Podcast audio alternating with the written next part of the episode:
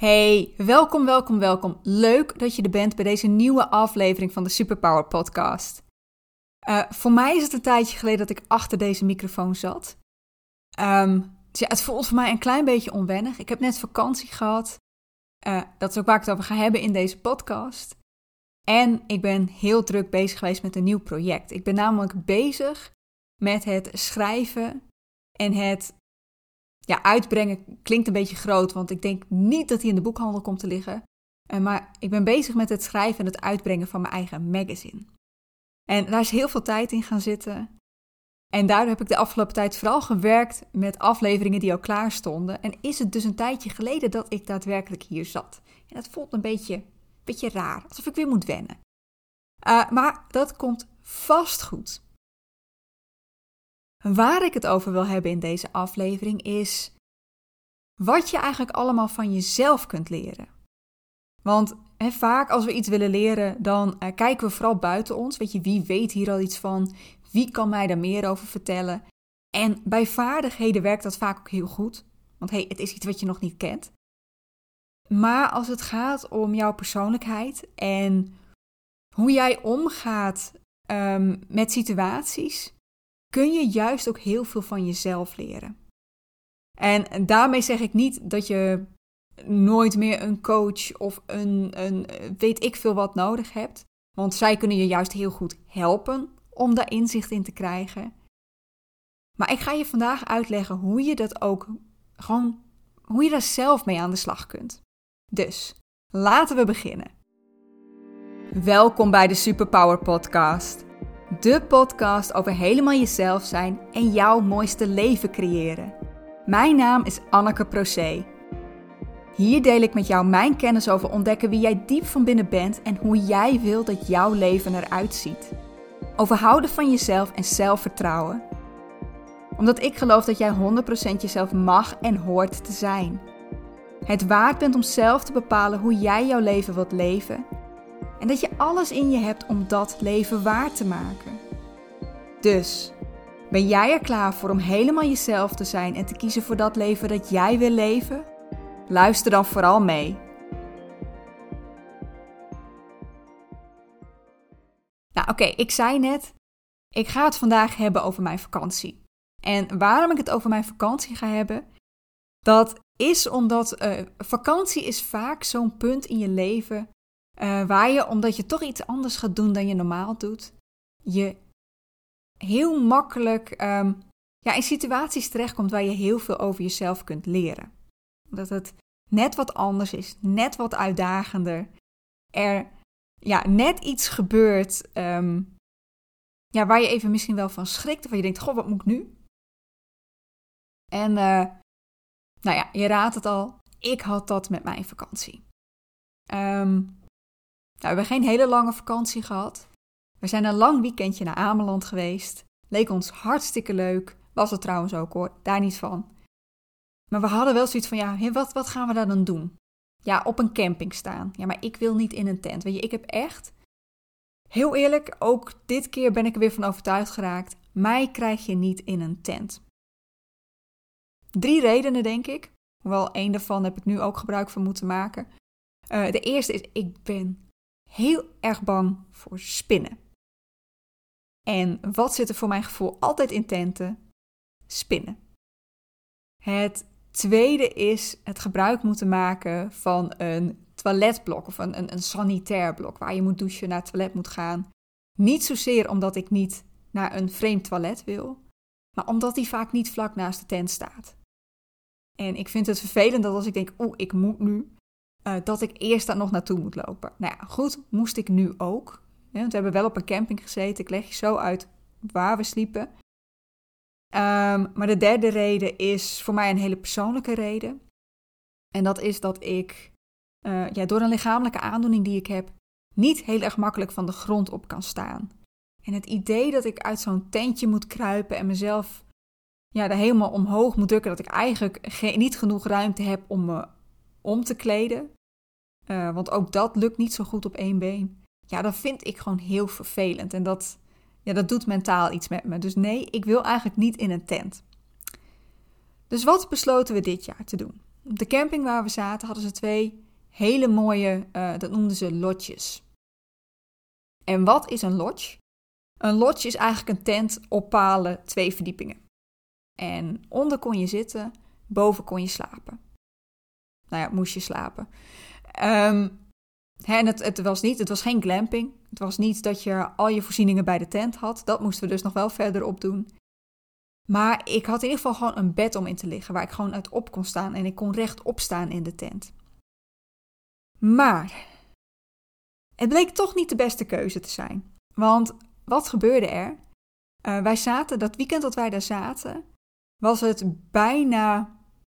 Nou nee, het was niet. Het was niet er werd überhaupt niet gewaarschuwd dat het bijna storm was. Maar volgens mij wordt het storm vanaf iets van windkracht 6, als ik het goed heb. En we hadden nu dag en nacht windkracht 5. En hoge bomen vangen veel wind. En zo ook dus onze lodge van twee verdiepingen. En daar hadden we het gewoon, toen we nog beneden zaten, op zich niet zoveel last van. Ja, je hoorde wel dat dat tentdoek heen en weer klapperde. Maar oké. Maar toen gingen we slapen en op die bovenverdieping was het nog veel erger. Ten eerste, je hoorde sowieso heel veel wind in de omgeving. Dat zou je denk ik beneden ook hebben gehoord. Maar boven sloeg die wind ook echt tegen dat tentdoek aan. dat, dat klapte er echt tegen aan. En uh, dat hout, dat piepte en dat kraakte. En wat misschien nog wel het ergste was, nou, ik denk dat uh, sowieso die, die, die harde klappen tegen dat tentdoek maakte me steeds wakker. Um, maar het was ook alsof je de hele nacht in een aardbeving lag. Want ja, die houten stellage die bewoog heen en weer, die ging meetrillen. En nou, op zich, je zou denken, hm, als je gewoon kunt slapen, heb je daar niet zoveel last van. Maar ik deed hier echt geen oog dicht. Ik heb letterlijk acht uur er gratis bij gekregen. Nou ja, eigenlijk, ik vind wel dat ik er iets voor heb moeten betalen, namelijk heel veel energie. Je kon mij de volgende dag echt opvegen. Maar goed, wat ga ik dan doen in die acht uur? Nadenken. Heel veel nadenken. Heel veel doemscenario's door mijn hoofd laten gaan. Ik heb echt uh, de eerste uren dat ik daar lag, heb ik denk ik wel tien gesprekken met mijn partner gehad over wat we de volgende dag gingen doen. En ik was er echt van overtuigd dat hij naast mij gewoon lag te slapen. Want ja, weet je, hij lag er zo rustig. En op dat moment als ik denk, ja, maar weet je, hij slaapt goed, hij heeft nergens last van, hij gaat dat morgen nooit begrijpen dat ik hier niet kan slapen. En dus ik was echt allemaal scenario's door mijn hoofd laten gaan over hoe, hoe hij het niet zou begrijpen. Hoe hij gewoon hier zou willen blijven en zou zeggen: Ja, weet je, stel je niet zo aan. Blijf gewoon liggen, komt wel goed. Um, ik had al helemaal bedacht: uh, nee, Ameland uh, ligt bij Friesland. Mijn ouders wonen in Friesland. Dus ik dacht al van: Weet je wat, anders dan ga ik morgen wel terug uh, naar het vasteland. Dan overnacht ik wel een paar dagen. Overnacht ik wel een paar nachten bij mijn ouders. En dan haal ik hem wel weer op bij Holvert. Maar oké, weet je, allemaal van die scenario's en allemaal waarin ik ervan uitging dat ik niet begrepen ging worden. Een paar uur later, ik denk dat het was toen net voor drie uur. Ik had half drie, had ik zelf op mijn uh, telefoon gekeken hoe laat het was. En opeens zie ik naast me een lichtje op, uh, oplichten. Mijn vriend die op zijn telefoon kijkt. Ik zei, nou, weet je, het is nog geen drie uur. Hij was ook stront chagrijnig. Hij had ook nog geen oog dicht gedaan. Dus de conclusie was: dit moet morgen anders. Nou, hij ging weer proberen te slapen, heeft uiteindelijk ook nog geslapen. Ik niet. De resterende uren van de nacht heb ik lopen nadenken over hoe we met de camping in gesprek moesten. En hoe zij het niet gingen begrijpen. En hoe zij, doordat zij het niet zouden begrijpen, ons totaal niet zouden willen helpen. En wat we dan gingen doen, gingen we terug naar het vasteland, gingen we op, zoek op een andere camping. Nou ja, um, het is niet een rustige nacht geweest, kan ik je vertellen. En in die nacht had ik het nog niet zo door. Maar de volgende dag, weet je, toen ik daar gewoon even bestil stond, wat, wat is er nou vannacht gebeurd? Dacht ik, ik ben ook echt iemand die alles wil voorbereiden. Niet denkt van, nou weet je, komt morgen wel, dat gesprek komt wel goed. Ik wil zo'n gesprek voorbereiden, zodat ik weet wat ik ga zeggen. Omdat ik als ik dat on the spot moet doen, ik niet zeker weet of me dat gaat lukken. Het tweede was uh, dat ik vooral in doemscenario's denk op dat moment. Hè, dit komt nooit goed. Ze gaan nooit een andere plek voor ons vinden. Mijn vriend wil uh, niet terug, die wil hier blijven. En wat ga ik dan doen? En de derde, en die was misschien nog wel het meest confronterende, is dat ik er eigenlijk van uitga dat niemand mij wil helpen. Dat mensen niet gaan begrijpen waarom ik er zo mee zit. En zoiets hebben van, joh, stel je niet aan en blijf gewoon waar je bent. En dit is het punt waarvan ik zeg, dit, dit is een voorbeeld van hoe je met dingen die je zelf meemaakt heel veel over jezelf kan leren. En ik ben natuurlijk wel even gaan, gaan graven van, goh, waar komt het dan vandaan? Waarom heb ik het gevoel dat mensen mij niet gaan begrijpen? Waarom heb ik het gevoel dat mensen mij een aansteller gaan vinden? Nou ja, kunnen we teruggaan naar mijn jeugd en uh, het, het pesten en, en hoe ik altijd het gevoel heb gehad dat anderen veel sterker waren dan ik, dat anderen veel meer konden dan ik. Maar eigenlijk gaat het daar niet om. De waarom is nog niet eens het belangrijkste. Het is vooral welke overtuigingen zitten daar dan onder? Waarom, waarom ten eerste geloof ik dat ik het nodig heb om alles zo goed voor te bereiden? Is het echt zo dat als ik dat gesprek aan zou gaan, dat ik er niet uit zou komen? Dat ik niet zou weten te verwoorden wat er speelt? En is het echt zo dat mensen mij niet gaan begrijpen? Is het echt zo dat mensen mij niet gaan willen helpen? Weet je, ik heb, ik heb alle vertrouwen in mensen. Ik heb alle vertrouwen in de goedheid van iedereen. En mijn gevoel is dat als iemand anders zou zeggen: hey, het lukt me niet om daar te slapen, dat ze meteen zouden helpen. Maar dat als ik het zou zeggen, dat ze dat niet zouden doen. En dat zegt iets over hoe ik over mezelf denk. Over, ja, toch wel weer dat stukje eigenwaarde. En als je dat van jezelf weet, als je weet, als je opmerkt van hé, hey, ik zit nu in een situatie en daar doe ik dit. Dan kun je je af gaan vragen, of dan kun je, eigenlijk moet je je dan af gaan vragen. Hm, wat geloof ik nou eigenlijk? Hè? Welke overtuigingen zitten hieronder? Kloppen die overtuigingen? is het echt waar? Nou, waarom zou ik minder waard zijn dan een ander? Waarom zouden ze mij niet willen helpen als ze anderen wel willen helpen? Ehm, en dan op het moment dat je eigenlijk ziet van hé, hey, mijn overtuiging klopt niet, kun je aan de slag om die overtuiging aan te gaan pakken. Om hem te ontkrachten. En je gaat hem niet helemaal kwijtraken waarschijnlijk. Maar je kunt, hem wel gaan, je kunt wel gaan kijken van hé, hey, maar wat kan ik nog meer geloven? En op het moment dat je dan weet wat je nog meer kan geloven, welk, um, welke reactie past daar dan bij? Wat kan ik dan gaan doen?